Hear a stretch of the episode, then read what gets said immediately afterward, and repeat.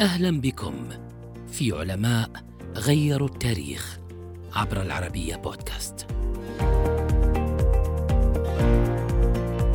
قبل اعوام طويلة من الثورة المعرفية التي قادها العالم المسلم أبو عبد الله بن محمد الإدريسي في الجغرافيا، كان عالم أندلسي آخر قد ترك بصمات مضيئة في هذا المجال مهدت الطريق لمن عمل بعده هو أبو عبيد عبد الله بن عبد العزيز بن عمرو البكري ولد عام 1014 وهو أحد أول من عملوا بالجغرافيا في الأندلس بإمارة ولبة التي كان والده أميرا عليها. انتقل إلى قرطبة مركز العلم وقتها ودرس على يد الجغرافي أحمد العذري والمؤرخ ابن حيان القرطبي. يعد كتابه اللغوي الجغرافي معجم ما استعجم من أسماء البلاد والمواضع. واحدا من أهم مؤلفاته.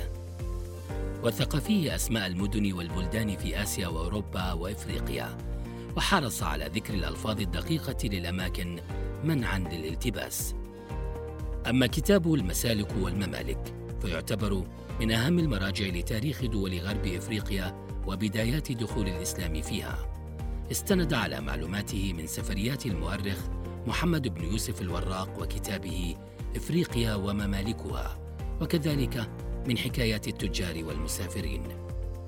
اعتمد في سرده على أكثر من مصدر متجاهلا ما يتعارض مع العقل والمنطق. قدم كنزا معلوماتيا عن إمبراطورية غانا الإسلامية وحياة سكانها وتجارتها وعادات شعوبها ومساجدها وعلمائها. كما ذكر اوصافا دقيقة لطرق التجارة في الصحراء الكبرى بإفريقيا حينها. ورغم دقة ما ذكره البكري في كتبه الجغرافية والتاريخية إلا أنه لم يبرح الأندلس أبدا. توفي أبو عبيد البكري في قرطبة عام 1094